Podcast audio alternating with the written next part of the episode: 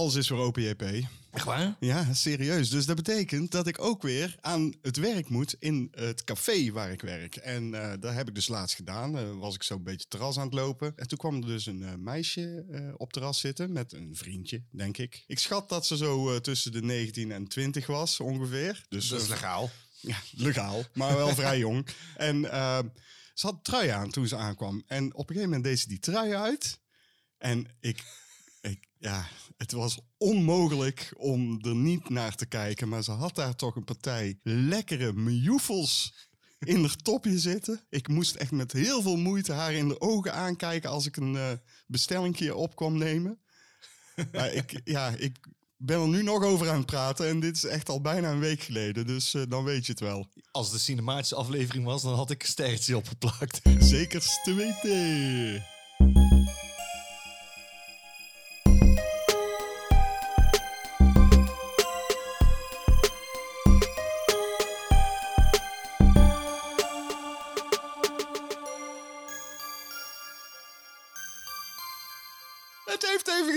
Maar daar zijn we dan gelukkig weer. Want je moet toch iets, hè? Uh... Ja, je moet inderdaad. je moet toch iets. Ja, we moeten iets. Waarom uh, heeft het zo lang geduurd, man? Ja, dat kan ik je uitleggen. De, kijk, oh, je was naar het terras natuurlijk. Ja, ja alles is weer open. en ik moet, ik moet ineens weer werken op allerlei plekken en zo. Nee, want dus, mensen zouden kunnen denken dat het uh, officieel dus... wat is dit, is dit seizoen al afgelopen van Cinepraatjes? Nee. Seizoen 1? Nee. Nee, nee, nee, nee, nee, nee, nee. Sterker nog, dit is de 23e aflevering ja! van Cinepraatjes. Het eerste. Ik sla een vliegje dood, sorry. het eerste seizoen dus nog steeds. Wat er uh, gebeurd is, en we hebben het er al vaker over gehad... dat wij met Bram en Leon van, ja. van Movie met vrienden... Hij heet echt Leon, hè? Hij heet Leon. Ja, ja. daar was een heel discussie over in, de, in hun uitzending over Leon. Of ja, over Leon. Leon. Leon. Leon. De professional. Juist. Maar hij, uh, nou, niet hij alleen... Hij en Bram, dus, ja. die hebben ons toen gevraagd of wij in hun podcast willen komen. En wij hebben toen gezegd, ja, dat is allemaal leuk en aardig. Maar dan komen jullie ook in onze podcast. Precies, voor wat hoort wat. En uh, het is eindelijk zover. We, hebben, we hadden al een appgroepje. En dit appgroepje is nu... Uh, Heel leuk appgroepje. Ja, is kut, ik kom echt gewoon niet aan mijn woorden. Ik moet ook gewoon weer wennen uh, om, om voor een podcast te praten. Maar goed, het appgroepje is niet alleen bij een appgroepje gebleven. We hebben nu daadwerkelijk een datum geprikt. Dat betekent eigenlijk gewoon dat volgende aflevering van Cine Praatjes... een aflevering met gasten is. Yes! Eindelijk. Heb ik zin in trouwens. Ik heb er echt zin in. Ik ook heb er ook zin in. Zin in. Ja, dat wordt weer een, uh, een fantastische lange aflevering, denk ik. Ga dat ik vanuit. Want ja, met vier man lullen, dat is toch anders. Dan moet je, ik heb zin in beide uh, afleveringen. Want wij gaan leuke dingen... Natuurlijk, we gaan onze items doen, maar dan met gasten. Dat is altijd leuk. Maar ja. wat ik ook leuk vind, is wat we gaan bespreken in hun podcast. Ja, dan mogen we eigenlijk best zeggen. Doen we niet. Mag dat? Ja, dat mag eigenlijk wel. Maar mag wel, doen we niet. Oké, okay, goed. Door met de volgende. ja, we gaan gewoon door met het volgende item.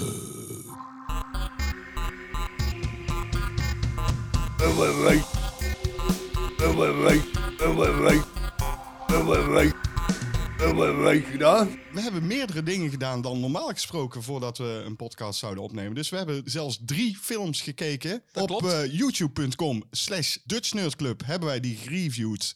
En uh, daar hadden we al eerder een franchise aangetikt, namelijk uh, Phantasm. Phantasm. En deze keer dachten we van, laten we een nieuwe franchise uitzoeken. En dat is... Critters geworden. Critters, juist. We hadden de eerste eventjes aangezwengeld om te kijken of het nog uh, wat is. En wat blijkt? Het is nog wat. Het is fantastisch. Ik, eh, sterker nog, en, dat komt waarschijnlijk door het enthousiasme wat ik had op het moment dat ik op de bank ging zitten en erover ging praten, dat ik gewoon daadwerkelijk zei, deze film komt zo in mijn top 10. En uh, staat hij nog steeds in je top 10? Uh, ja, dat betwijfel ik toch wel een beetje. Ja, nee, je moet eerst nog heel even de reeks afmaken en dan ga ik het opnieuw vragen.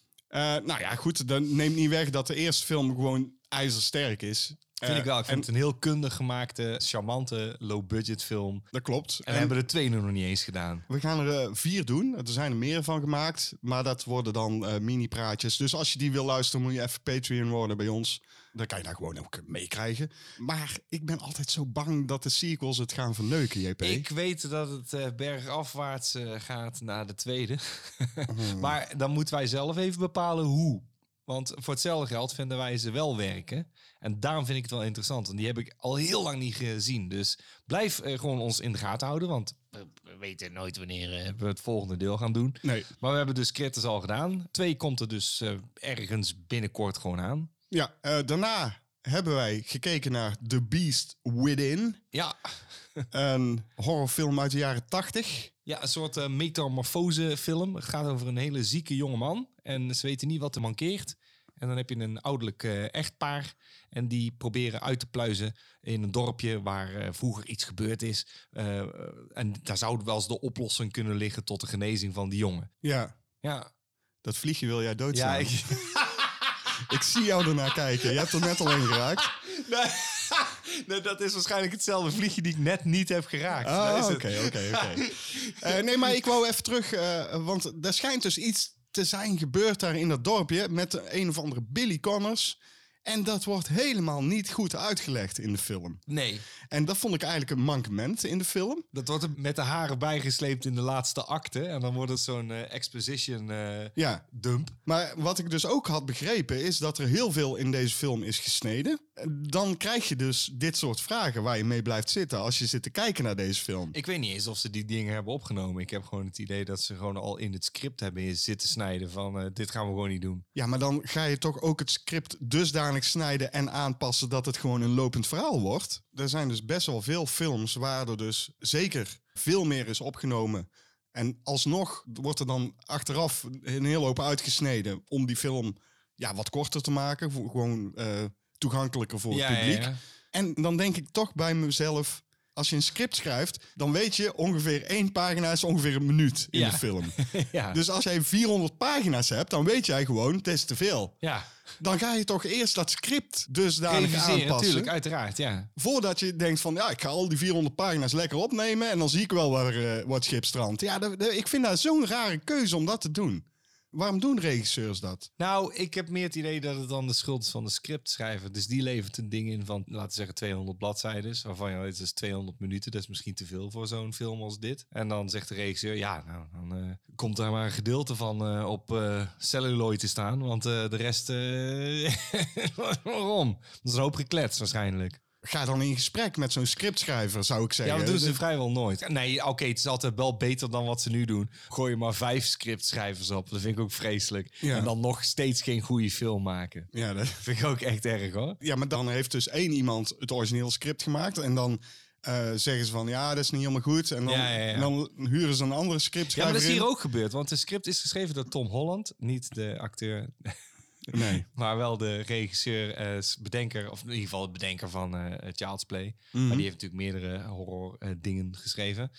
Die heeft het geschreven, maar ik weet niet of hij verantwoordelijk is voor het uiteindelijke screenplay. De- ik denk dat dat iemand anders is. En als die dingen heeft herschreven, dan zijn er dus dingen uitgelaten. En ik denk dat daar de fout in zit. Want het is duidelijk aan deze film dat er dus dingen in missen. En ja, ja ik weet niet of dat de film beter had gemaakt hoor, als dat erin had gezeten. Ja, misschien voor de ervaring, maar niet het eindresultaat, denk ik. Ja, er zat wel een, een memorabele transformatiescène in. Ja, En, en dat is eigenlijk iets waar we later nog even op terug gaan komen, denk ik. oh, dat denk ik wel, ja. Blue Rune hebben we daarna gekeken van eh, Jeremy Saulnier. Ja, En, en daar Oh, hadden we, ja, ja, ja, heel vet. En daar hadden we eerder al Green Room van gekeken. Ja, heel leuk dat we het op deze manier doen eigenlijk. Want eh, dat is een film die hij daarna heeft gemaakt. En nu grijpen we even... We doen het eigenlijk gewoon in verkeerde volgorde. Ja.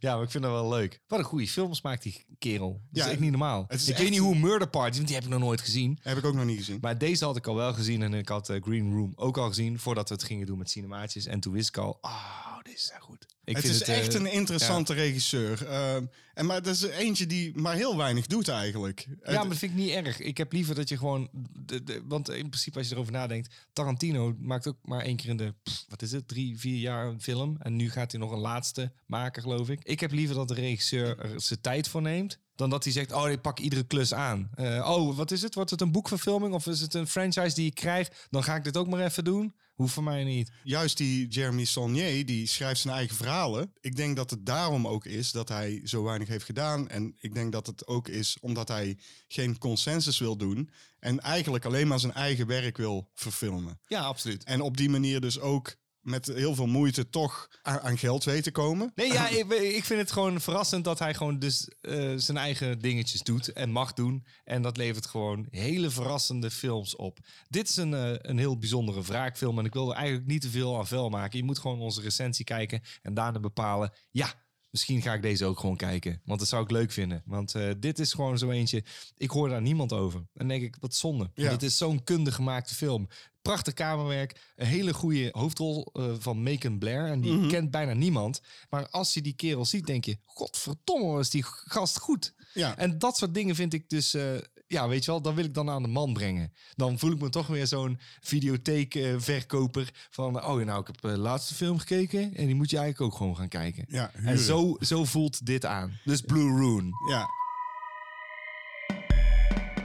Het is godverdomme, ik heb toch eens, eh, godverdomme iets kei interessants gelezen op internet deze week. Ik niet. Jawel. Jean-Paul Arends, heb jij nog iets eh, interessants eh, gezien op het internet of Ja. gelezen of iets? Oh. Ja, laat die fucking vlieg. Echt. Eh, Ik heb iets gezien, ja. Ik heb een trailer gezien van Don't Breathe. ja, jij zit nou daar, pak hem. Ja! nee. Auw. Het is een kut fruitvliegje, is het. Don't breathe, dus. Ja, deel 2. Een lang verwachte vervolg op best wel geslaagde film Don't Breathe. Ja, die hebben wij samen in de bioscoop gezien. Dat klopt. In deze trailer, moet ik daar nog even vertellen? Ja, vertel wat er in die trailer zit. In want- deze trailer worden getrakteerd op een eh, klein meisje en, en hem, zeg maar, uit deel 1. Mhm. En volgens mij eh, is dat meisje onder zijn hoede. En hij traint haar voor allerlei eh, zaken. En op een gegeven moment wordt dit meisje in één keer gekidnapt. En dan gaat hij, vra Dan gaat hij wraak nemen. wraak nemen. We zijn rond. Als ik dan moet nagaan wat er in Don't Breathe deel 1... Ik vind het zo verschrikkelijk om te moeten zeggen dat er een deel 1 is van Don't Breathe nu. Verzin een nieuw verhaal, denk ik altijd. Maar goed, eh, er is dus nu een deel 2 van. Maar als hij met een klein meisje is... ik ga even terug naar Ja, wat er in, ja, in ja, deel ja. 1 was. Dan denk ik, hm, wat is Dat klopt. er was iets met eh, lichaamsvocht. En, eh, Ja, dat klopt. Maar ik dacht, in deze leek het zijn dochter, denk ik. Weet ik niet, want dat weten we dus niet, want het is een trailer. ja, maar dat is dan een dochter die is voortgekomen uit... Ja, dat zou best kunnen. ja. Ja.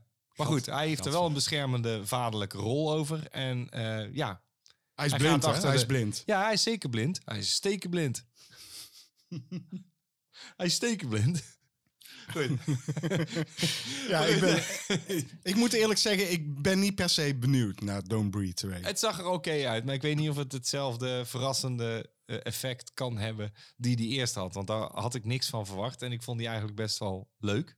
Ja, Ja. over sequels gesproken. Ik heb daar een uurtje over. Nou. Of, of iets gelezen op internet. En misschien staat er al eeuwen op, dat weet ik niet. Maar eh, na de reboot eh, van eh, Halloween door eh, Blumhouse en David Gordon Green... Ja. hebben ze wederom de handen ineen geslagen... en gaan ze een sequel maken van de originele Exorcist.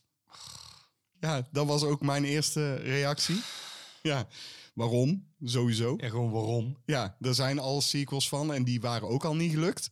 Hoor je wel? De derde is Ja, fantastisch. de derde, de derde. Maar de tweede niet, Nee, toch? de tweede slaat nergens op. Maar de Dit- derde is ook gewoon door dezelfde schrijver. Daarom werkte die. Ik weet ook niet waarom. Die tweede was ook echt zo in zo'n periode van... Oh, we we hebben een succesvolle film gemaakt. Kunnen we hem nog wel een keer doen? We hebben geen verhaal. Maakt niet uit. Nou, Ja. dat maakt dus kennelijk wel, dat maakt dus wel uit. Ja, Echt, gast, ja, oh, ja, hou de- op, verzin iets nieuws. Ja, dat zeg ik dus ook. Maar dat zeg ik ook over Don't Breathe 2. Verzin iets nieuws, weet je wel. Eh, eh, Nou, als- eh, ze doen wel iets anders. Maar goed, had dat een franchise moeten zijn, is dan de vraag. En dan, nee, inderdaad, dat hoeft niet per se. Maar goed, dit, dit is zo'n leuk item waar we op zoek gaan naar nieuws. ja, die, hoe, heet die, die, hoe heet die gast, die Blum? Hoe heet die Blum met zijn voornaam? Van- Jason Blum. Jason. Maar die zegt gewoon keihard. eh, er is een 90, 95 procent van de, de mensen hebben gewoon de Exorcist nog niet gezien. En dan kun je dus met een reboot of een sequel komen. En eh, ja, je kunt ik- ook gewoon het origineel kijken? hè? Ben je gewoon, heb je dan iets aan je oogjes? dan Nee. heb je iets aan je ogen. Ja, maar Ja. Dat gaat er niet meer in bij de jeugd van tegenwoordig. Want die, Fuck de jeugd van Ja, die- tegenwoordig. die- Ja, niet doen, want dat is strafbaar. Maar eh, Ja, maar die vinden dat eh, te traag. En, en de, Die zijn niet- zelf gewoon te traag, niet man. eng genoeg. Daar zitten geen jumpscares in. Eh, dat soort dingen. Dat verwachten ze allemaal De tegenwoordig. jeugd kan gewoon mij gewoon een heel dikke lul krijgen. Echt. Jouw dikke lul. ja, mijn dikke lul. Heb je daar nog ander nieuws over? Eh, ja, heb ik. Ehm, ik krijg ook wel een dikke lul van Olivia Wilde. en die is eh, trouwens weer vrijgezel, geloof ik. Dus dat is gaaf. Maar die gaat ook een eh, nieuwe film eh, regisseren. Ja, van Marvel. Dus dat is jouw pakje aan, hè? Ja, dat- ja, Ja. ik zit er heel- echt met smart op te wachten. Ja, dat zie ik. Over pakjes gesproken. Dat wordt het pakje van Spider-Woman. Oh, Tenminste, dit zijn de rumors. rumors. Rumors. Dus er is ook nog niet bekend wie dan Spider-Woman Helemaal niks. gaat spelen. Nee. Maar. Olivia Wilde gaat dat doen. En die heeft natuurlijk eerder uh, Booksmart gemaakt, die jij hebt gezien en ik Ja. ook later. Dus Ja. eh, die kan, kan, dat kan, kan, kan leuk worden. Kan leuk worden, weet ik niet. Ik heb geen idee. Ja, Ja, Marvel, eh, hè. Dus eh, voor jou een dik feest. Ik ga een mellowcake eten, sorry. we hebben gewoon mellowcakes. Nou, daar pak ik er ook een. Fuck it. Want ja, dat is ook wel weer een tijd geleden. Zeker. En, eh, en ja, omdat, ja, precies omdat het zo lang geleden is, dacht ik, ja, laat ik gewoon mellowcakes halen. Dit programma wordt mede mogelijk gemaakt Godverdomme. Door mellowcakes. Hmm. Goed. Heb jij nog iets gezien? Heb jij nog iets nieuws? Ik hoop wel eh, dat die mannen van Movie Glow met vrienden ook mellowcakes meenemen. Hoop ik ook, ja. Want anders uh, komen ze er niet in. ik heb nog iets daar. Oh, nou. Kom maar. Mm. Mellowcakes. Ah, heerlijk. Heerlijk. Even een slokje wijn. Oh, en toch gaat dat wel goed samen. Dat is, dat is het rare. Wijn en mellowcakes. Dat is een gouden combinatie. Echt? Ehm, ja, nieuws wat ik heb, vond ik verbazingwekkend. Ik las namelijk dat daar komt dus een nieuw seizoen van Dexter, de serie. Wat ik daarover las, is dat John Lithgow daar weer een rol in krijgt. Wat? Hoe? Ja, hoe? Hij was natuurlijk de Trinity Killer. Dat was serieus het gaafste seizoen. Wordt hij, Hij- dan de, de, zoals de vader, dat inderdaad eh, misschien hem wel leidt? Zou dat kunnen? Dat zou kunnen. Dat zou kunnen, Is inderdaad. hij een volgende passenger? Dat zou inderdaad wel eh, te gek zijn als ze dat zouden doen. Dat, ik dat is ook ik de enige logische, ja, ja, toch? logische Ja. verklaring daarvoor. Ja, of, of... Nee, dat gaat Nee. niet. Dat, dat is onmogelijk. Dus dit is de enige logische verklaring die wij kunnen brengen. Ja. Ja, of het, het wordt een zombie eh, Trinity Killer. Dat zou ook nog kunnen natuurlijk. Maar ja, dat Dat is- gaan ze niet doen. Nee, dat gaan ze zeker niet doen. Nou, eh, dat is het nieuws wat ik had. Ik weet niet of jij nog iets hebt, maar... Nee. Nou, dan sluiten we dit scheid-item weer eens af.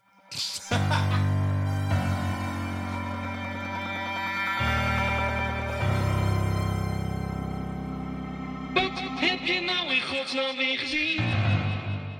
Ik weet dat wij beide iets gezien hebben wat we alle twee dus afzonderlijk van elkaar hebben gekeken. En dat zijn de eerste twee afleveringen van Rick en Morty!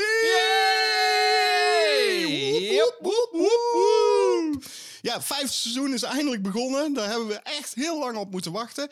En dan was het wachten meer dan waard, wat mij betreft. Ja, mij ook. Ik, ik vind het niet erg als een serie er zo lang over doet om gewoon dan terug te komen. Dat je denkt, oh oké, ze hebben gewoon eh, best wel wat werk gestoken in eh, de ideetjes en het schrijfwerk. En dat loont en dat zie je. Eh, ik kan even heel kort uitleggen. De eerste aflevering maak je kennis met de aardsrivaal van Rick, namelijk Mr. Nimbus. Mr. Nimbus gaat over de oceanen en eh, Rick mag dan op het land doen wat hij wil. Maar ja, dat wordt geschaad. Die, eh, die eh, wat, Ah, oh, wat is de belofte die ze Ja, hebben gemaakt? ja, Ja, on- onuitgesproken ding wat wij niet weten. Ja, door een fout van Morty natuurlijk. Maar dat geeft helemaal niet. Nou, dan moet hij dus die Mr. Nimbus een beetje gaan paaien.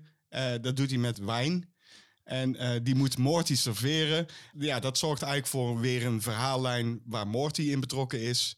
Terwijl Morty eigenlijk ook al een andere verhaallijn had. Mort Ja, heeft een paar verhaallijnen. Hij moet ook onder, ondertussen heeft hij een afspraak met eh, Jessica. Ja, precies. En eindelijk heeft hij een afspraak met Jessica. Maar Jessica wil ook wel een wijntje. Ja, precies. En Morty denkt, nou, dat, dat pak ik dan mooi samen. Maar eh, op Rick and Morty fashion gaat dat natuurlijk weer helemaal mis. ja, fantastisch hoe ze dit... En eh, de- ik, ik vond dit zo'n knaller. Ik, Ja. ik vond het echt helemaal te gek. Ja, Ja, er zat alles in wat je zou kunnen verwachten. En dan elke keer overtreffen ze zichzelf. Ja, nou, maar dat was dus de eerste aflevering. Geweldig. En je kreeg zin in meer. Nou, dat hebben we dus gekregen in de tweede aflevering. Een heel ander avontuur eigenlijk. Wat blijkt namelijk dat na het beleven van een eerdere avontuur... in een van de eerdere afleveringen van andere seizoenen... heeft eh, Rick besloten dat hij wat decoy families in het land verspreidt... of over de wereld, weet ik veel, eh, op de planeet. Hij heeft ook een soort van horloge om... die aangeeft van de, er wordt nu een decoy family omgelegd.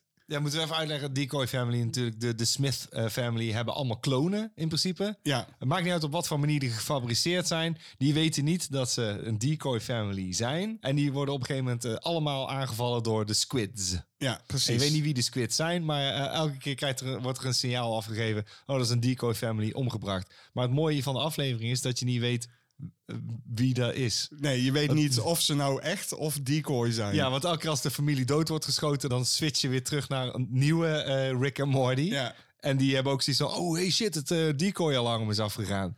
En dit gaat van kwaad tot erg. Ja, dat gaat echt van kwaad tot erg. En eh, het leidt zelfs tot, eh, tot twijfeling in je eigen gedachten. Ja. Terwijl je zit te is dit kijken... de echte? Zijn- Wie is nou de echte? Ja, wie, wie- wie- zit ik nou naar de echte Rick, Morty en eh Beth en Summer en... Nee, dan moeten ze nu, nu, nu zijn het de Ja. echte. Ja. Nee, oh, nu zijn het de echte. Oh my Ja. god. Ja. Het leuke is dat er eigenlijk niet meerdere verhaallijnen in zitten in deze. Wat, Nee. wat ze normaal eigenlijk best wel vaak doen. Maar ja, oh, je, je, Dus dat, was niet nodig. Nee, dat was, nee, nee, het was al zo. Het gaat al zo boven de pad gewoon. eh, heerlijk over de top aflevering. Heerlijk.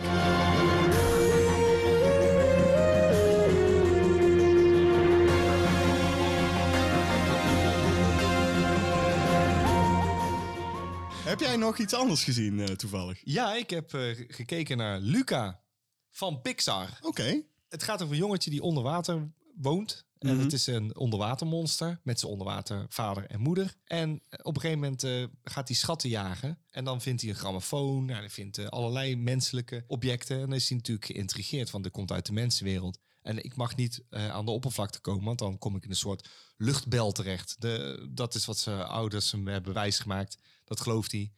Maar hij komt een ander eh onderwater jongetje tegen. En die verzamelt dus die schatten ook. Die neemt hem op een gegeven moment mee. Zegt van, kom maar eens even mee. En die verzamelt hij boven Ja. water. En op een gegeven moment loopt hij uit het water. En als hij uit het water loopt, verandert hij in een mens. En dat doet eh, Luca ook. Oh. En dan komt hij erachter, oh, dat wist ik niet. En dan, zodra hij nat wordt, krijgt hij schubben. En zodra dat weer droog is, dan pff, gelijk terug. Alright. Heel simpel gegeven dus. In het water monster, uit het water mens. Hij trekt op met dat jongetje en dat jongetje die is helemaal geobsedeerd door een voertuig, een Vespa.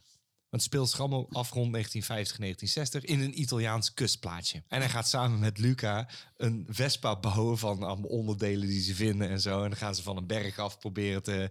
En op een gegeven moment is het idee van misschien moeten we een keer gaan kijken in dat dorpje aan de overkant. En ze gaan naar het dorpje toe.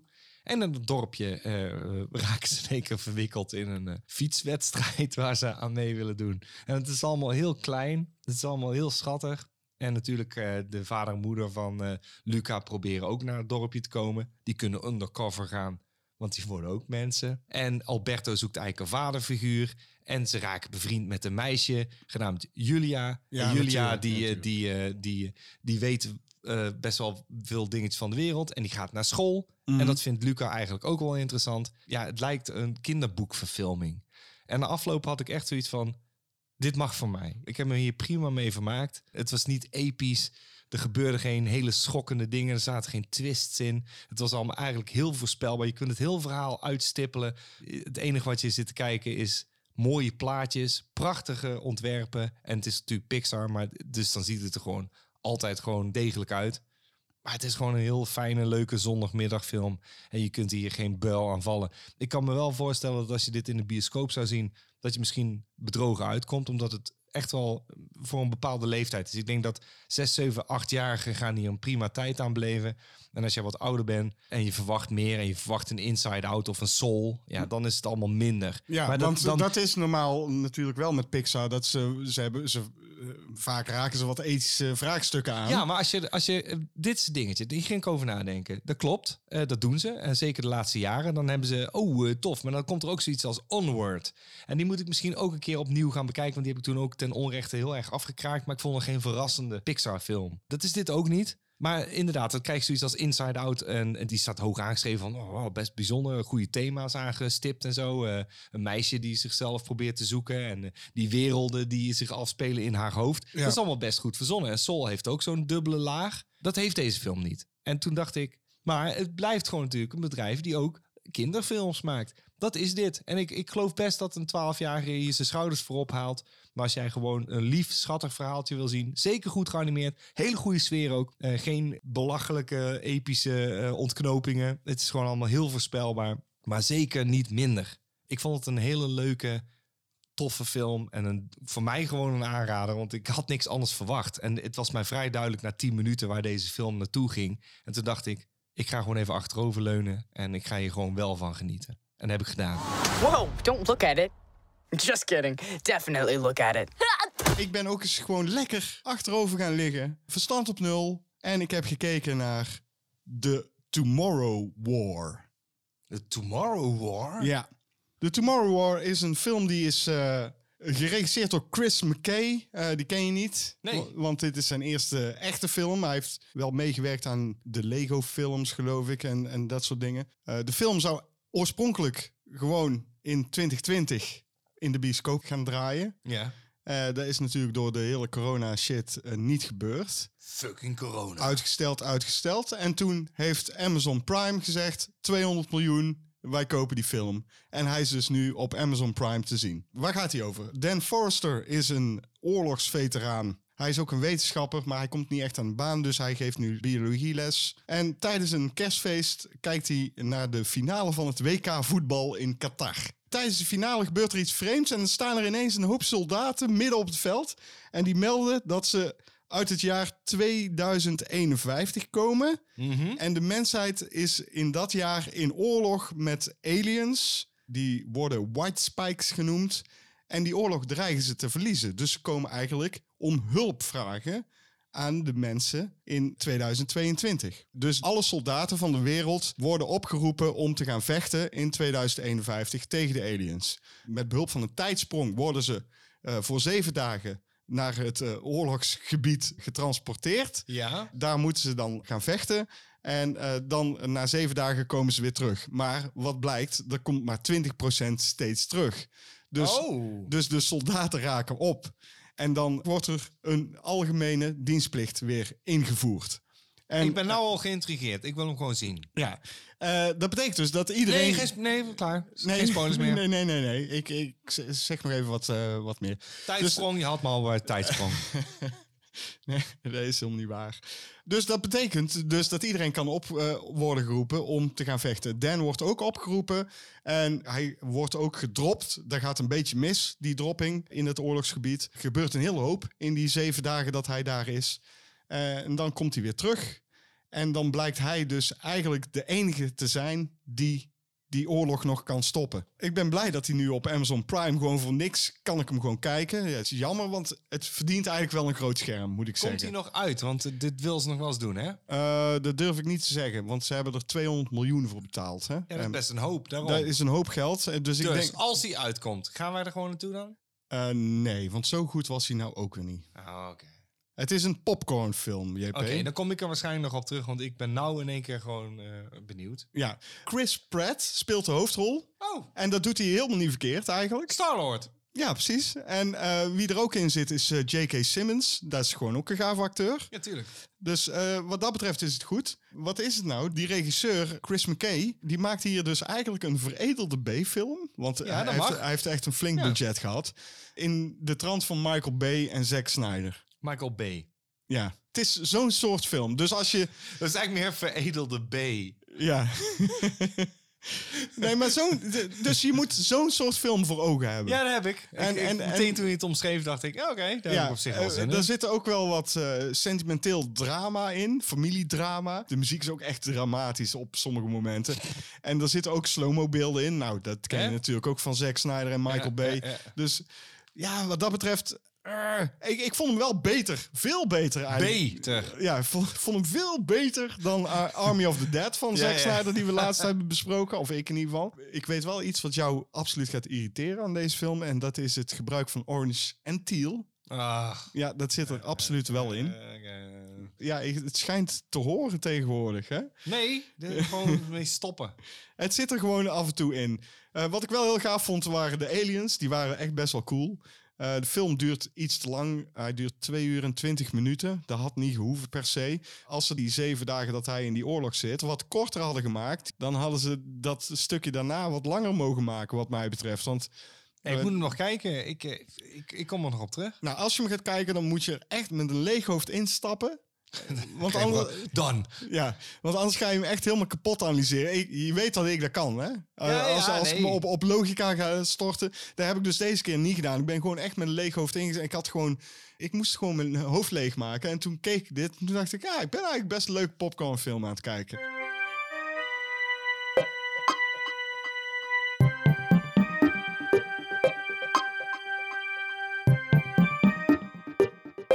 Uit de kast. Uit de kast. JP heeft weer eens iets uit de kast getrokken en hij gaat het nu aan mij laten zien. Het is namelijk Bullet. Bullet. Oftewel eh, Steve McQueen als Bullet. Ja, ja. Staat er op de hoes. Eh, ja, dat is natuurlijk... eh, Klassiekertje. Klassiekertje. Vertel, vertel jij het maar anders. Eh, dit is een klassiekertje. Jij hebt die auto, hè? Ik heb die auto inderdaad. hebt die auto. Ja, ik heb eh eh dat is een fastback. Wel, wel al Ja. als klein... eh, Als klein, ja, ik zou willen... modelletje. Ik zou willen die, dat ik die echt had. Eh, ik heb hem als klein modelletje. En daar heb ik ook een klein eh, miniatuur eh, Steve McQueentje bij. McQueentje. Ja, McQueentje. Eh nee, het gaat over een, eh, een detective, Frank Bullet. En eh, na een eh, routineklus eh, lijkt hij de hoofdgetuige in een belangrijke zaak te beschermen. Wat? Oh, dat is een klus. ik lees het gewoon voor, hè. maar, maar nog voor de nacht ten einde is, is de getuige dood. En zal Bullet, cool, recht toe recht aan, niet rusten... voordat de moordenaars en de opdrachtgever hangen. Eh, Deze film is natuurlijk bekend vanwege eh, uiteraard die fucking awesome fucking Ford. eh, eh, het is de Mustang eh, Fastback. Ja, die wagen is het bekendste eigenlijk uit de hele Ja. film. Weet je wat heel grappig is? Is dat, dat heb ik net niet verteld. In, want ik heb eigenlijk, ik had stiekem nog iets gekeken. Samen met mijn vriendin heb ik namelijk naar Zodiac gekeken. Oh! En de politieagent, door Mark Ruffalo gespeeld, die is, daar wordt in gezegd dat Bullet, zeg maar, Ja. dat die gebaseerd is op die politie. Oh, dat zou kunnen. Ja, dat is Oh. echt. Ja. Oh, wat grappig. ja, maar goed, dat is eh, een bijzaakje. Die vertel ik eventjes tussen neus en lippen door. Ja, nee, dat wist ik niet eens. Eh, ja, gaaf. De film is bekend vanwege een eh, uiteraard goed gemonteerde, geweldige achtervolgingsscène. Echt een, een, ja, een klassieker. Is het de- beste achtervolgingsscène? Dat is Ja, een dat- vraag die wij hebben gehad. Ja, dat weet ik. Die En dat moeten we nog behandelen. Heel lastig, want eh, het is zeker een van de beste Ja. achtervolgingsscènes. Ik denk dat het belangrijkste is voor zo'n scène om te werken, dat het daadwerkelijk is opgenomen met auto's. En niet dat het uit de computer is getrokken. Nee, Anders telt het gewoon niet. nee, dat klopt. En ik wil ook, eh, daarom, en daar hebben we het al een keer over gehad, van het is heel leuk dat dingen uit de computer worden getrokken, maar dan worden de stunt eh, mensen niet meer gecredit. Want dan zeg je, oh ja, maar, oh, het is echt knap dat ze dat hebben gedaan. Ja, maar als het een echte stunt is, dan wil ik gewoon weten of dat ook een echte stunt is geweest. Hebben mensen hun leven hiervoor gewaagd? Was dat gewoon echt, oh, ze gaan rakelings langs elkaar heen. Als dat allemaal uit de computer wordt getrokken, dan heb je die impact niet meer. En bij deze film weet je gewoon, oh nee, nee, dit is gewoon echt gewoon eh, racen. Ja. En dit is eh, een camera er heel dicht bovenop. En het editen maakt ook dat je er gewoon echt, eh, ja, weet je al, op je tandvlees zit. Ja, En dat is gewoon goed. Dus het is wel daardoor een van de beste. Is het de beste?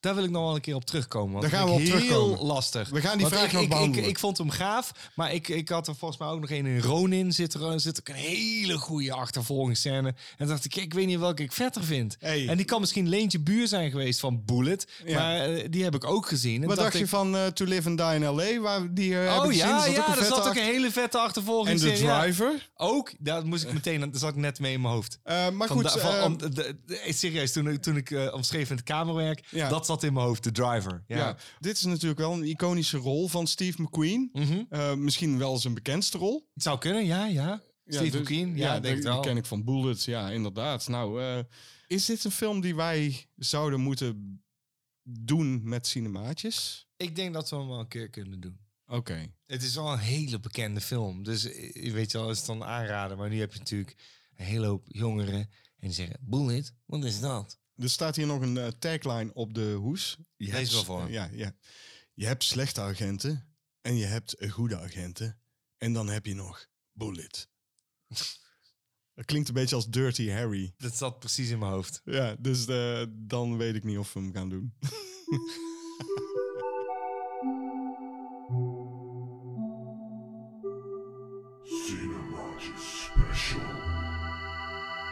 Ik ga deze specials even mooi inleiden. Want het is namelijk zo dat in de derde aflevering van onze podcast... hebben we de documentaire Creature Designers besproken. Dat ging over eh, special effects eh, makers. En dan ook met name de makers van animatronics. Ja. Juist. Eh, en dat zijn eigenlijk een soort eh, robotachtige poppen. Maar die poppen worden hydraulisch of met elektromotoren worden die bestuurd. Dat zijn gewoon gave poppen meestal. Eh, je vindt ze ook onder andere in pretparken. Hè? Ja. Eh, bijvoorbeeld in de Efteling. Morgana. Ja, de Ja. Efteling heeft ook Pirates of the Caribbean, Ja, ja, ja, als je naar eh, Disneyland eh, thingy gaat. Maar daar wordt dus ook veel gebruik van gemaakt in films. Met name in de wat oudere films.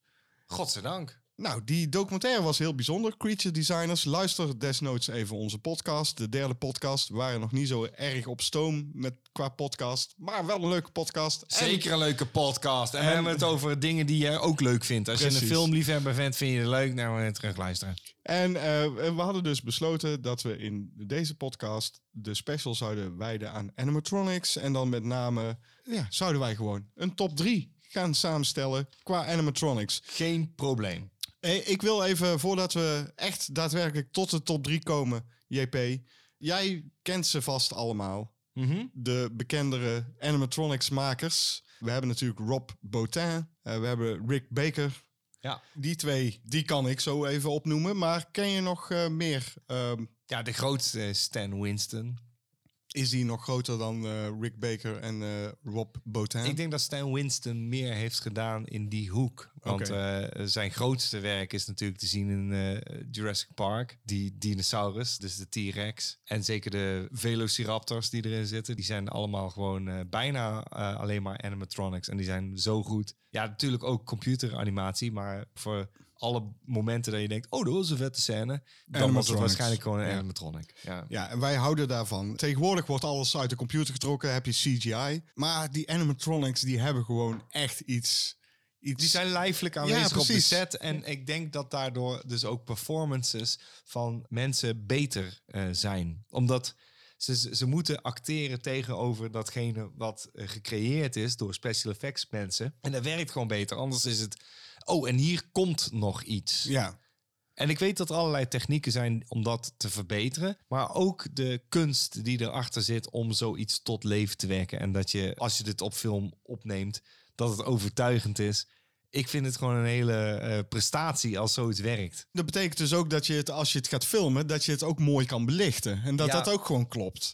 En, en bij CGI zie je dat wel eens af en toe, zeker in het begin van de CGI, dat het gewoon een beetje sketchy is allemaal. Ja, dat erop geplakt lijkt. Ja, ja. En, en dat is, dat Vooral is met eind jaren, eind jaren 90 hadden we er nogal last van. En, en eh, naarmate de jaren vorderden was het oké, ze kunnen het veel beter integreren. De, dus dan, dan valt het in één keer op van oh oké.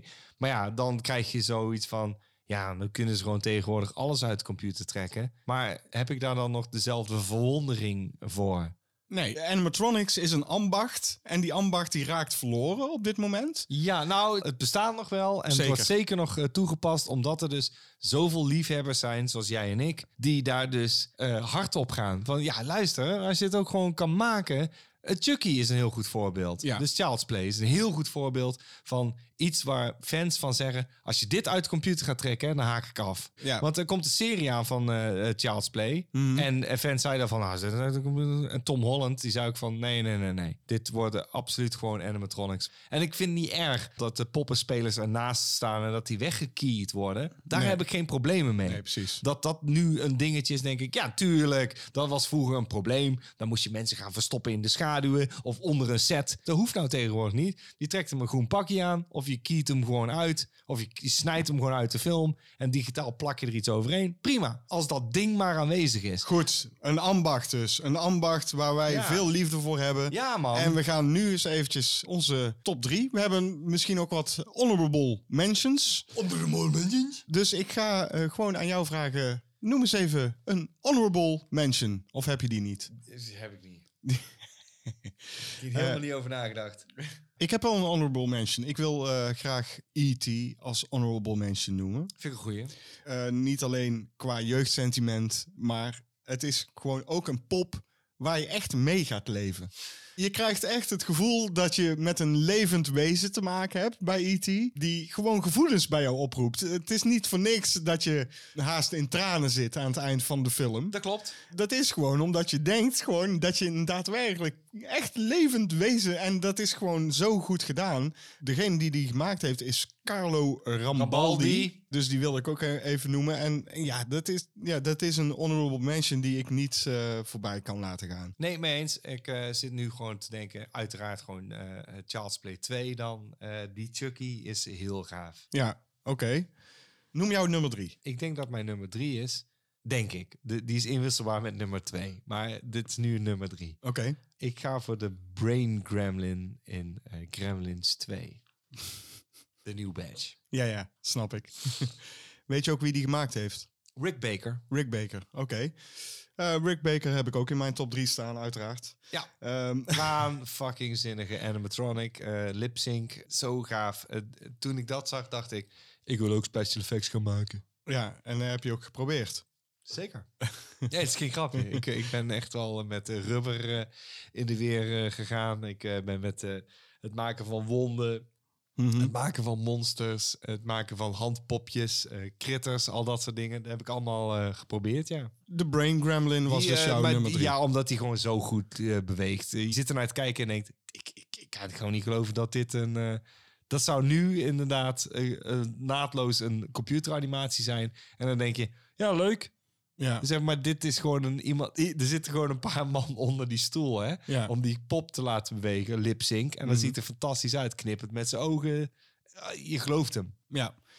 Nou, zal ik eh, mijn nummer 3 eens even noemen. Eh, dat is namelijk de halve zombie in eh, The Return of the Living Dead.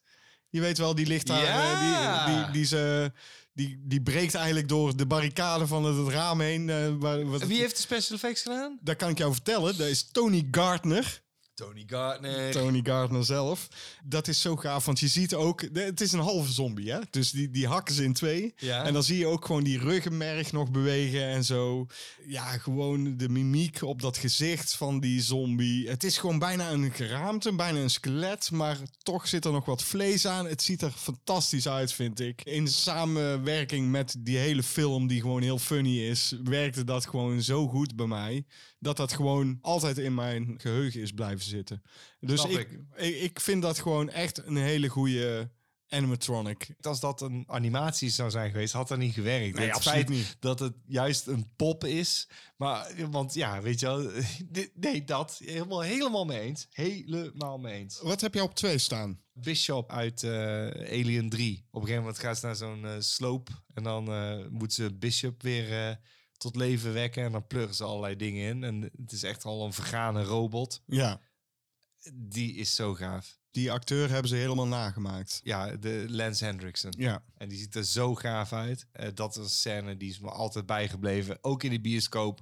Maar ook in alle viewings daarna of zo. Elke keer dat ik het daarna zag, dacht ik... Wat verdomme. daarmee kom je dus bij mij nummer twee uit. van Rob Bottin. Want die heeft eh Kuato gemaakt in Total Recall.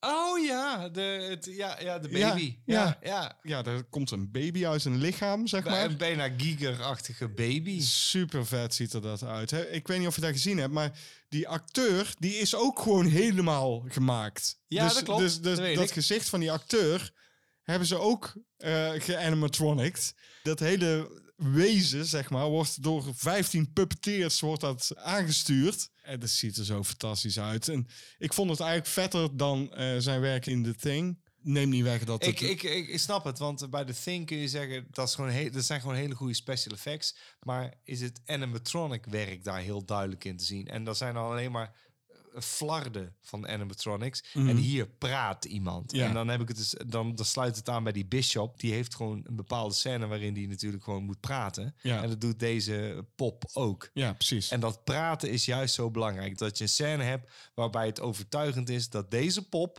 iets zegt. En dit zijn dingen die ik dus belangrijk vind bij deze animatronics. Absoluut. Dus ja, dus het is een hele goede nummer twee. Eh, wat is jouw nummer 1? Nummer één, en er kan er maar één zijn, is uiteraard gewoon Audrey 2 uit Little Shop of Horrors. Dat is die plant, hè? Oh mijn god, die Ja. is zo ongelooflijk gaaf. Die is zelfs zo gaaf dat Jim Henson zei: dit is de allergaafste animatronic die ik ooit heb gezien. Ik, ik snap dat je hem op één hebt gezet. Ik vind hem ook heel vet. Die begint als klein plantje en Ja. die wordt steeds groter. Ja, Maar die animatronics, die is het altijd al. Dus als kleintje ook al. ja en als grote dus ook. En als ook, grote ja. denk je: hoe hebben ze dit gedaan? Ja, En die zingt hebben- gewoon echt gave liedjes ook. Hij zingt eh, eh, eh, volmondig hele, me- ja, zeg Ja. wel, hele complete musical songs. Ja. Waarbij de bladeren en eh, de, de armen en de tentakels, alles beweegt mee. Mhm. Het is fantastisch gedaan. Ze hebben het op een hele inventieve manier gedaan. Eh, deze pop wordt volgens mij bestuurd ook door een man of 15. Dus die pop die praat gewoon lip sync. Wordt geen beat gemist. Nee. Eh, iedere liptrilling en iedere beweging van de tong klopt gewoon. Omdat ze het gewoon heel langzaam... oeh, Mhm. Ja, en het daarna versnelt. Het betekent ook dat eh, Rick Moranis, die de hoofdrol speelt, ook eh, langzaam, eh, dus ook moet langzaam acteren Ja, in sommige scènes. En dat is allemaal volkomen overtuigend. gaaf. En als je het ziet, denk je, "Eh, hoe hebben ze dit gedaan? Als je het weet, denk je, oké, maar zelfs dan zie je het niet. En weet je ook wie de, de verantwoordelijk zijn voor deze animatronics? Voor zover ik weet, eh, Lyle eh, Conway. Maar ik weet niet of ik dan andere mensen tekort doe. Maar dat is wat ik weet. Maar wat een ongelofelijke gave animatronic. Je bent gewoon mesmerized. Je, bent gewoon, gewoon, je wordt gewoon gehypnotiseerd door die performance ook. Ja. En dat is dan te danken aan die 15 man die eh, onder het podium eh, zitten. Mm. Om die pop te besturen. En dat verkoopt gewoon heel die film. ja, die plant ziet er wel een beetje cartoonachtig uit, vind ik. Eh, Hij is fantastisch. Maar hij werkt heel goed in Little Shop of Horrors. Hij Ja, is fantastisch. Wij gaan deze trouwens nog doen met cinemaatjes. Dat weet ik, want ja, dat roep je al jaren. Ja. Eh, wil je weten wat ik op nummer 1 heb staan? Heel erg graag, want ik ben godverdommers benieuwd. Ja, en dan ben ik toch bang dat, je, dat ik je misschien een beetje eh, ga tegenvallen. Omdat ik eh, niet heb gekozen voor een pratende animatronic. Oh. Ik heb gekozen voor de iconische transformatiescène in An American Werewolf in Londen. Van Rick Baker. Ja, is dat een animatronic? Absoluut. Ja, dat is een animatronic, maar vind Dat ja, Het is absoluut een animatronic. De, vooral dat, hoe dat gezicht, die hand, dat is allemaal ja, animatronics. er zijn er meerdere. Dat, ja. Ja, Ja. is dat zo? Ja, dat zijn meerdere animatronics. Die hand is natuurlijk een Dat aparte klopt, dat anim- klopt, dat klopt. animatronics, maar dat gezicht is ook een aparte. Maar eh, al in, in zich heel is dat gewoon een hele gave scène. En die scène is gewoon iconisch. Vooral hoe dat gezicht vervormt. Dat is, als je die gezien hebt, blijft je altijd bij. Dat klopt. Deze transformatie krijg je gewoon niet meer van jouw netvlies af. Gaat nooit meer uit jouw hersenen. En dat is gewoon zo goed gedaan dat dat gewoon noemenswaardig is. En of ik hem nou op 1, 2 of 3 zet, want ah, het is allemaal inwisselbaar in principe. En sowieso vergeten we er zoveel. Ja, zeker. Eh, er, zijn, er zijn nog zoveel... We komen hier nog een keer op terug. Misschien. Eh, animatronics zijn gewoon vet. Klopt. Net als mellowcakes. Mellow cakes. Komt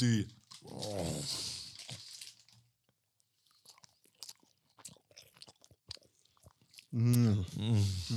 Mellow, mellow, mellow, mellow, mellow. Mellow, mellow, mellow, mellow. Vragen, vragen, vragen. Je kunt het aan ons vragen in de vraagbak.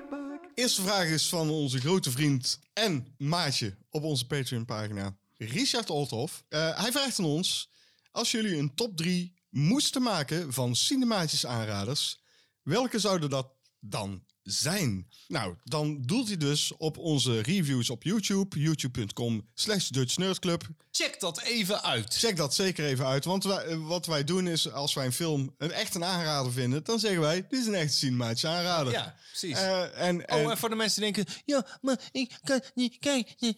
We verklappen niks. Nee. We, we praten over de film heel kort. We doen heel even een inleidingje en daarna hebben we het gewoon over de film zelf. Ja. En nee, we verklappen niks. En Spoilervrij. afloop- Spoilervrij, dat is wat we proberen. Dus Juist. eh, mensen, jongen, eh, kijk er gewoon, is leuk. Nou, ik ga even meteen even met, met de deur in huis vallen. eh, voordat Richard weer meteen begint te roepen. Want ik hoor hem roepen, hè? Ik hoor, ik hoor hem hier roepen gewoon. Het is namelijk zo dat we kunnen wel elke keer diezelfde films opnoemen, die we altijd opnoemen.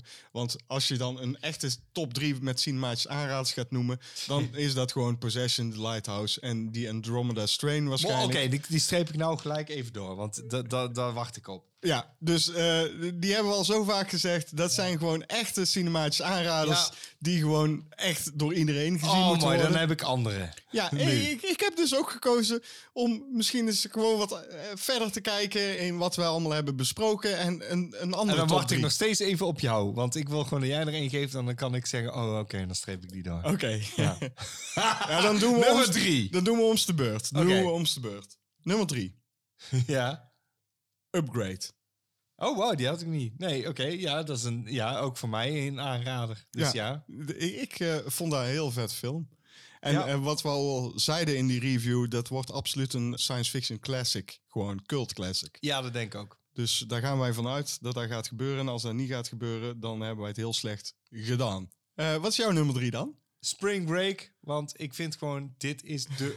na, iedereen roept altijd Porky's. Nee, dit is de beter uitgebalanceerde film in die tiener, seks, teen, eh, comedy-achtige films. Heeft niks om het lijf, letterlijk. Maar het is zo'n lieve, leuke film met een unlikely pairing van een paar jocks en twee nerds die eh, op zomerkamp gaan. Of in ieder geval spring break, eh, dus lentekamp dan. En deze scoort lager dan films waarvan ik denk, echt waar joh? Fuck die andere films. Precies. Dit is degene die je moet kijken. Dit is een fijne film. Echte cinematische aanrader. 100%. Zo is dat. Dan zal ik mijn nummer twee noemen. Dat is Racing Arizona. Supergoeie Coen Brothers film. Oh, wauw. Oké. Ja. Ja.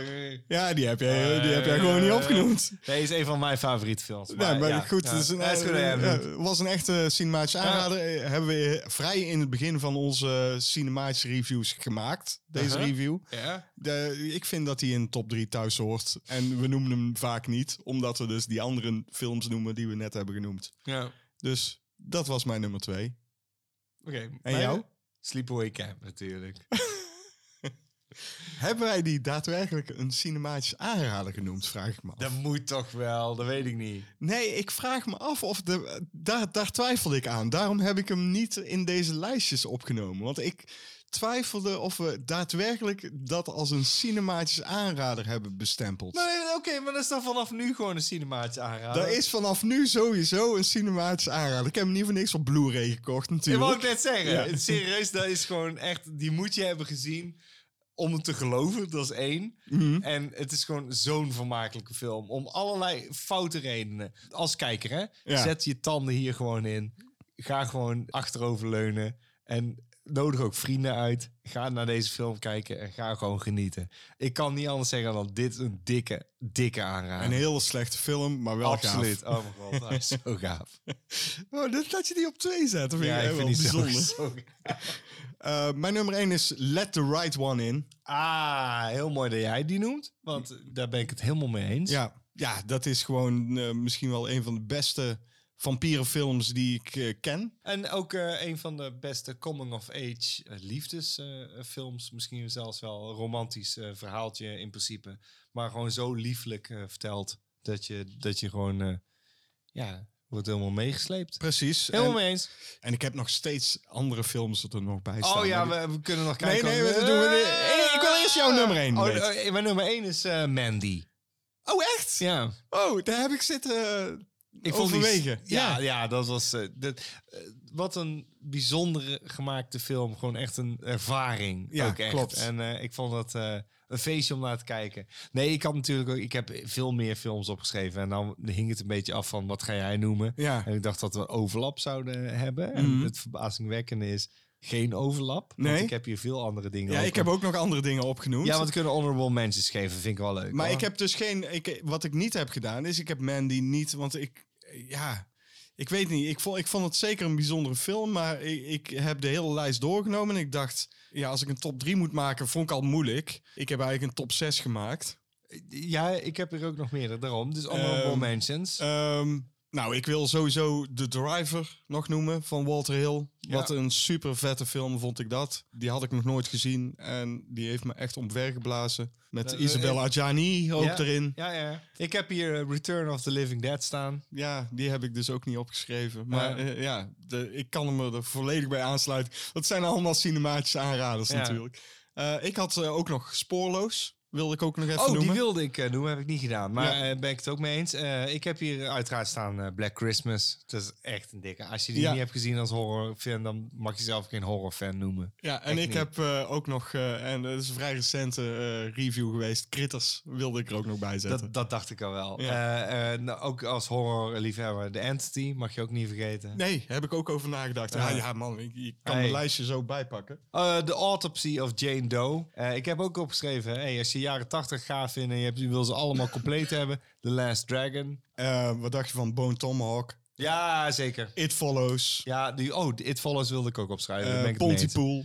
Ja, ook. Sorcerer. Oh, dat is een fucking goede film. gewoon. ja. Nou, we kunnen zo Kijk eeuwig gewoon doorgaan. cinemaatjes Ja, en dan kijk. zie je die vanzelf die, die, die, die klappers voorbij komen. Maar die drie die we net hebben genoemd, dat zijn Ja. voor ons de, degene on top of our heads eh, die eh doorklappen. Richard. De volgende vraag van Agent on Clocks. En die vraagt aan ons: als jullie de IMDb top 5 beste films in een eigen volgorde zouden mogen zetten, hoe ziet dat er dan uit? Nou, Heel benieuwd naar jouw top. eh oh, moet je eerst even de top 5 noemen? Ik zal even de top 5 noemen zoals die nu op IMDb staat. En dat is op 1 The Shawshank Redemption. Ja. Op 2 The Godfather. Ja. Op 3 staat The Godfather Part 2.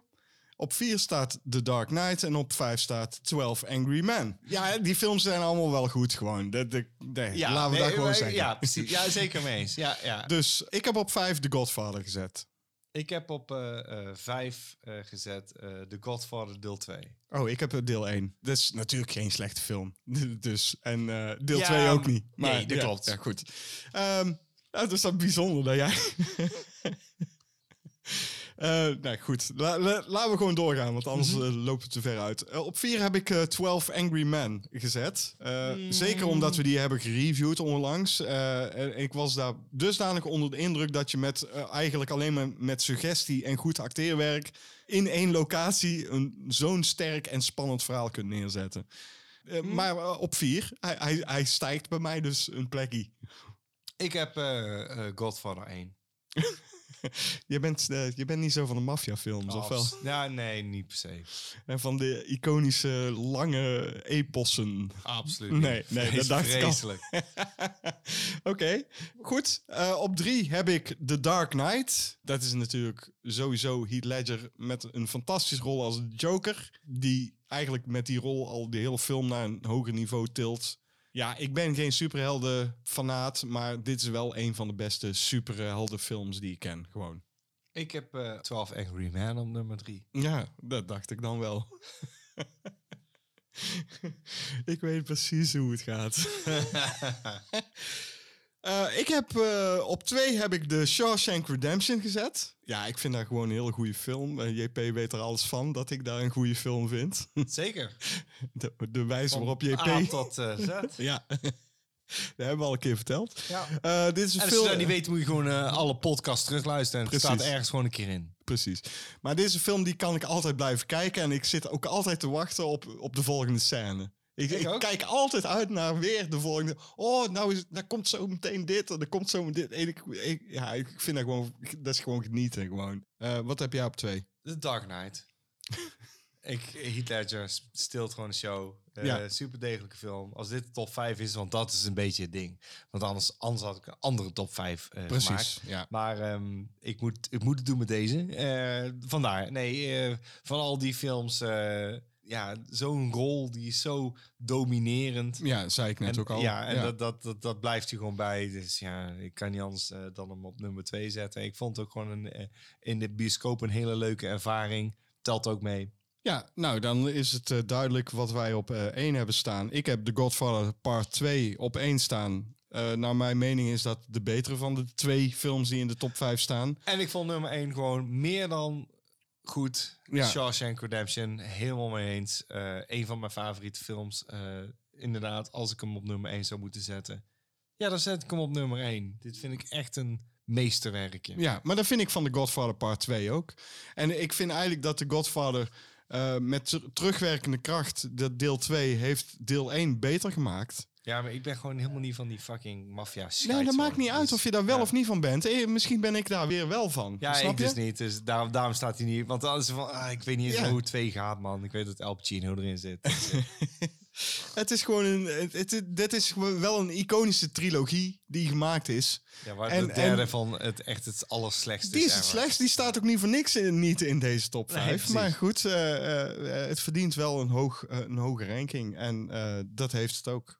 Eh, wat mij betreft eh, hadden we sowieso een andere top 5 gehad als we hadden mogen kiezen zelf. Ja, we hebben het niet gedaan. We hebben Nee. gewoon deze top 5 gewoon door elkaar gehusseld. We gaan misschien wel eens een keer een andere top 5 maken. Lijkt me leuk. Dus Ja. dat is een vraag die we waarschijnlijk ongetwijfeld heel onorigineel nog krijgen. Precies. Docent BVU die vraagt aan ons. Ik weet niet waarom eh er BVU achter staat. Dat, dat is dan een vraag die wij nu vragen aan docent. Waar staat BVU Ja. voor? Beweging, vrijheid, eh, uit, eh, uitkleden. Schimleraar. Die dan... Ja, bewegingsvrijheid, uitkleding. Ja, precies. Ja. Eh, welke favoriet filmpersonage, antagonist speelt zo goed dat je die haat? Ik vond het een moeilijke vraag. Maar ik ga even noemen zowel Johnny als Kreese in The Karate Kid. Ja, Ik was toen jong natuurlijk, dus die haat ik echt. Ik was echt een Ralph Macchio fan.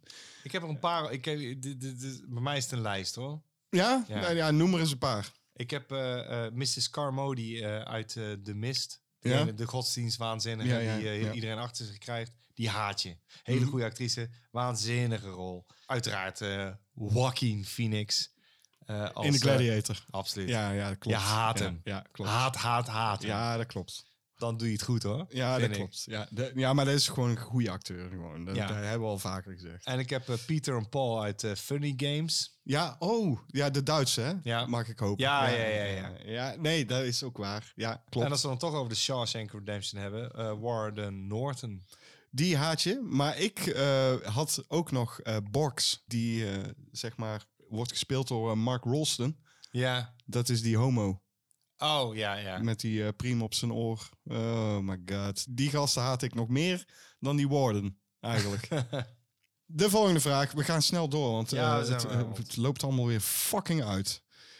Retro Game Papa, onze eigen maat Retro Game Papa, die vraagt aan ons: welke film zou beter zijn als één bepaalde acteur of actrice erin zou worden vervangen? Piece of cake. Heel, ja, dat heb ik dus ook. Kunnen we, kunnen we een soort 3, 2, 1, welke film? Hebben we een 3, 2, 1 voor dezelfde film? Ik, dat denk ik namelijk. 3, 2, 1. Dracula. Dracula. Ja, Ja, ik, ik zeg Keanu Reeves moet vervangen worden. Ja, ja, dat heb ik dus ook. Ik heb precies hetzelfde. Is en bizar. Winona Ryder had ook vervangen mogen worden. Helemaal, maar- ja, maar- helemaal. Nou, dat, dat had ik ook. ja.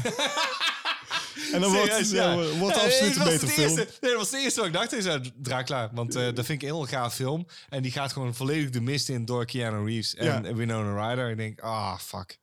En toch blijft het een gave film. Ja, nee, dat, dat, is, dat is het gekke van. eh, klopt. Het, het is een prachtig eh, gemaakte film. Dat is het ook echt. Zeker een, een vette film ook. Eh goede set pieces ook. Fantastische rol van Gary Oldman En Anthony Hopkins. en Anthony Hopkins. En het wordt gewoon een beetje verstierd gewoon door, door die Van waarom denk je bij jezelf? Waarom Keanu Reeves? Waarom? Ja, ja, omdat het een hele toffe gast is. Ja, dat kan wel Nee, zijn. is het echt? Ja, dat weet ik wel. Dat het een toffe gast is, maar... Hè? Ja, ja, ja. Oh Ik- no! Hij, komt niet uit Engeland. Het is overduidelijk dat hij gewoon geen Londens accent kan. Nee, nee. En dan heb je Winona Ryder. En dat is ook al niet veel soeps. En dan denk je, ach, dat is niet te doen. Zo jammer, want het had zo'n gave film kunnen zijn. Dit had een Godfather level Ja, fucking top film. 5 uh, Nee, ik ging IMDb. gra- ja, serieus. Ja. Dit had top 5 IMDb kunnen zijn. Want ik denk dat heel veel mensen hetzelfde vinden. Fucking vet. Ja, Ja. Maar zijn kut die twee zitten. En toch heb ik hem laatst, dus eh, en dat heb ik ook al een keer eerder besproken in een podcast, heb ik hem met veel plezier nog zitten kijken. Ja. En me ook weer verbaasd over hoe slecht Keanu Reeves speelt. Gewoon. Ja, niet te doen. Niet te doen, inderdaad. Eh er zijn bij de laatste vraag van eh, ons maatje op patreon.com slash cinemaatje. Daar kun je ook maatje worden, kun je ons steunen. Krijg je wat extra content. Is misschien leuk om eens een keer na te kijken. Eh, eh, Kevin Kenty, die vraagt aan ons... Welk boek zou je graag verfilmd zien worden? Door welke regisseur? En met welke acteurs? Nou, ik ben begonnen aan een antwoord, JP. Ja? En toen dacht ik... Ah, fuck it. Ik lees nooit. Ik lees geen boeken. ik lees geen boeken. Nee, serieus. Ik, Ja. ja. ik, ben, ik ben geen echte lezer. En het laatste boek wat ik gelezen heb, dat durf ik nog wel te zeggen. Die heb ik waarschijnlijk ook gelezen. Die heb je ook gelezen. Dat is De Buitenstaander van Stephen King. Ja. Vond ik een heel gaaf boek. Maar wat, wat blijkt, ze hebben daar een HBO-serie van gemaakt. Dat klopt, dat weet ik. Ja, En dat eh, ja, ik op, ja. dus daar hoef, ik al, daar hoef ik al niet meer te zeggen. Nee, ja, ik had dat ook gra- graag verfilmd zien worden. Ik denk dat ook een prima film had kunnen worden. Het Maar deed mij heel erg denken aan eh, dingen die eh, Preston en Child schrijven. ja, ja. Ja, dat klopt. Ik had zoiets van, oh, Stephen King heeft, is in slaap gevallen met een van de boeken van Preston en Childs. En dacht, zo'n boek kan ik ook schrijven. Dat klopt, dat kan niet. Wat is jouw boek? Ja, dat is het ding. Want eh, ik, ik heb een favoriet boek. Dat vind ik echt een fantastisch boek. En ik weet dat ze daar een miniserie van hebben gemaakt. En dat vind ik gewoon niet zo heel denderend. Als dit een film zou worden, wordt, wordt het een trilogie dan. En ik weet dat de, de boekenreeks bestaat ook uit een trilogie, maar dan, dan wordt het dus negen films. Want zo diep gaat het. Het gaat over personages die elke keer ouder worden ook. Het eerste boek eh, in die reeks eh, is geschreven door Ken Follett en eh, is Pillars of the Earth. Die heb ik super hoog zitten. En nee, ik geloof niet dat die miniserie er ooit aan kan voldoen. Ik heb er een paar scènes van gezien. Ik heb een paar trailers gezien. Dacht ik, nee, ik wil hier een, eh, een, een period piece van zien. En dan eh, mag eh, Robert Eggers hem natuurlijk gewoon maken. Ja, Ik heb geen acteurs, want het is een te groot arsenaal aan Ja, eh, pers- maar personages is, die het, ja, omdat het een period piece is, Speelt zich af in 1100, ja, dan, nog wat. dan is ja. Robert Eggers gewoon de beste. Zeker, en dan geloof je het ook. En, en dat heeft die film nodig. Pillars of the Earth is een fantastisch, episch verhaal... waarin een paar personages door decennia meegenomen worden... en eh, elke keer een confrontatie eh, eh, meemaken. Ja, Of ze hebben allemaal een doel, ze willen allemaal iets bereiken. De een wil bijvoorbeeld een, een priester worden, de andere die wil een, een kathedraal bouwen. En dat zijn allemaal doelen die bereikt moeten worden. En die worden elke keer gedwarsboomd omdat iemand anders roet in het eten gooit. Eh, elke keer denk je, oh, gaat het, eh, die personage gaat het eh, voor de wind? Oh nee, want iemand anders heeft net die deal gemaakt met die andere. Godverdomme, maar Maar- duurt het nog langer? je zegt al, het boek is een trilogie. Heel gaaf boek. het, is, het zijn waarschijnlijk Nou, dikke, het- het dikke boek- boeken. Ja, maar het mooie van die... da- dit kan, daar kan ik duidelijk over zijn. Eén boek is één boek, want het andere boek speelt 200 jaar later af met andere personages. De, zeg maar de nazaten van Ja, die ja. personages. En die hebben allemaal een andere invulling, want het zijn dan afstammelingen van. Ja. En ze wonen in hetzelfde dorpje Kingsbridge, een fictief dorpje. Elke 200 jaar gebeurt daar iets nieuws.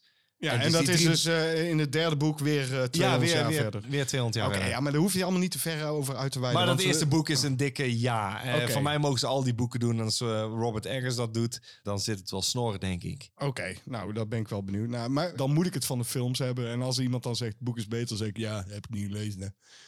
We hebben gewoon eh, niet gelezen. Ja, ik ben wel een lezer en eh, ik vind het altijd wel... eh, ik moet zeggen dat eh, Stephen King verfilmingen redelijk trouw zijn eh, aan wat ze proberen te doen. En je kunt erover vallen, maar eh, dat gaat eh, acht van de tien keer toch wel goed, moet ik zeggen. Ja, maar zodra Stephen King een letter op papier zet, dan weet hij al, daar wordt een film van gemaakt. Of een serie. Nou, de personages kloppen gewoon. Hij weet gewoon heel goed die personages te omschrijven. En je hebt meteen te maken met een figuur waar je meteen van weet... Ik weet zijn pijn, ik Ja. weet zijn gevoelens, ik weet wat zijn jeugd is geweest en ik weet wat hem beweegt. En dat maakt het zo sterk. Nou, dan heb ik dus toch een antwoord. En dan eh, antwoord ik het allernieuwste boek van Stephen King, waar hij nu nog aan mee, eh, mee bezig is. Die wil ik graag verfilmd zien worden Door wie? door Jeremy Saulnier Voor A24. voor A24. En ik wil graag eh Joaquin Phoenix in de hoofdrol. Sowieso. We zijn eruit. Ja, daar wordt het. Bonsoir! Adieu.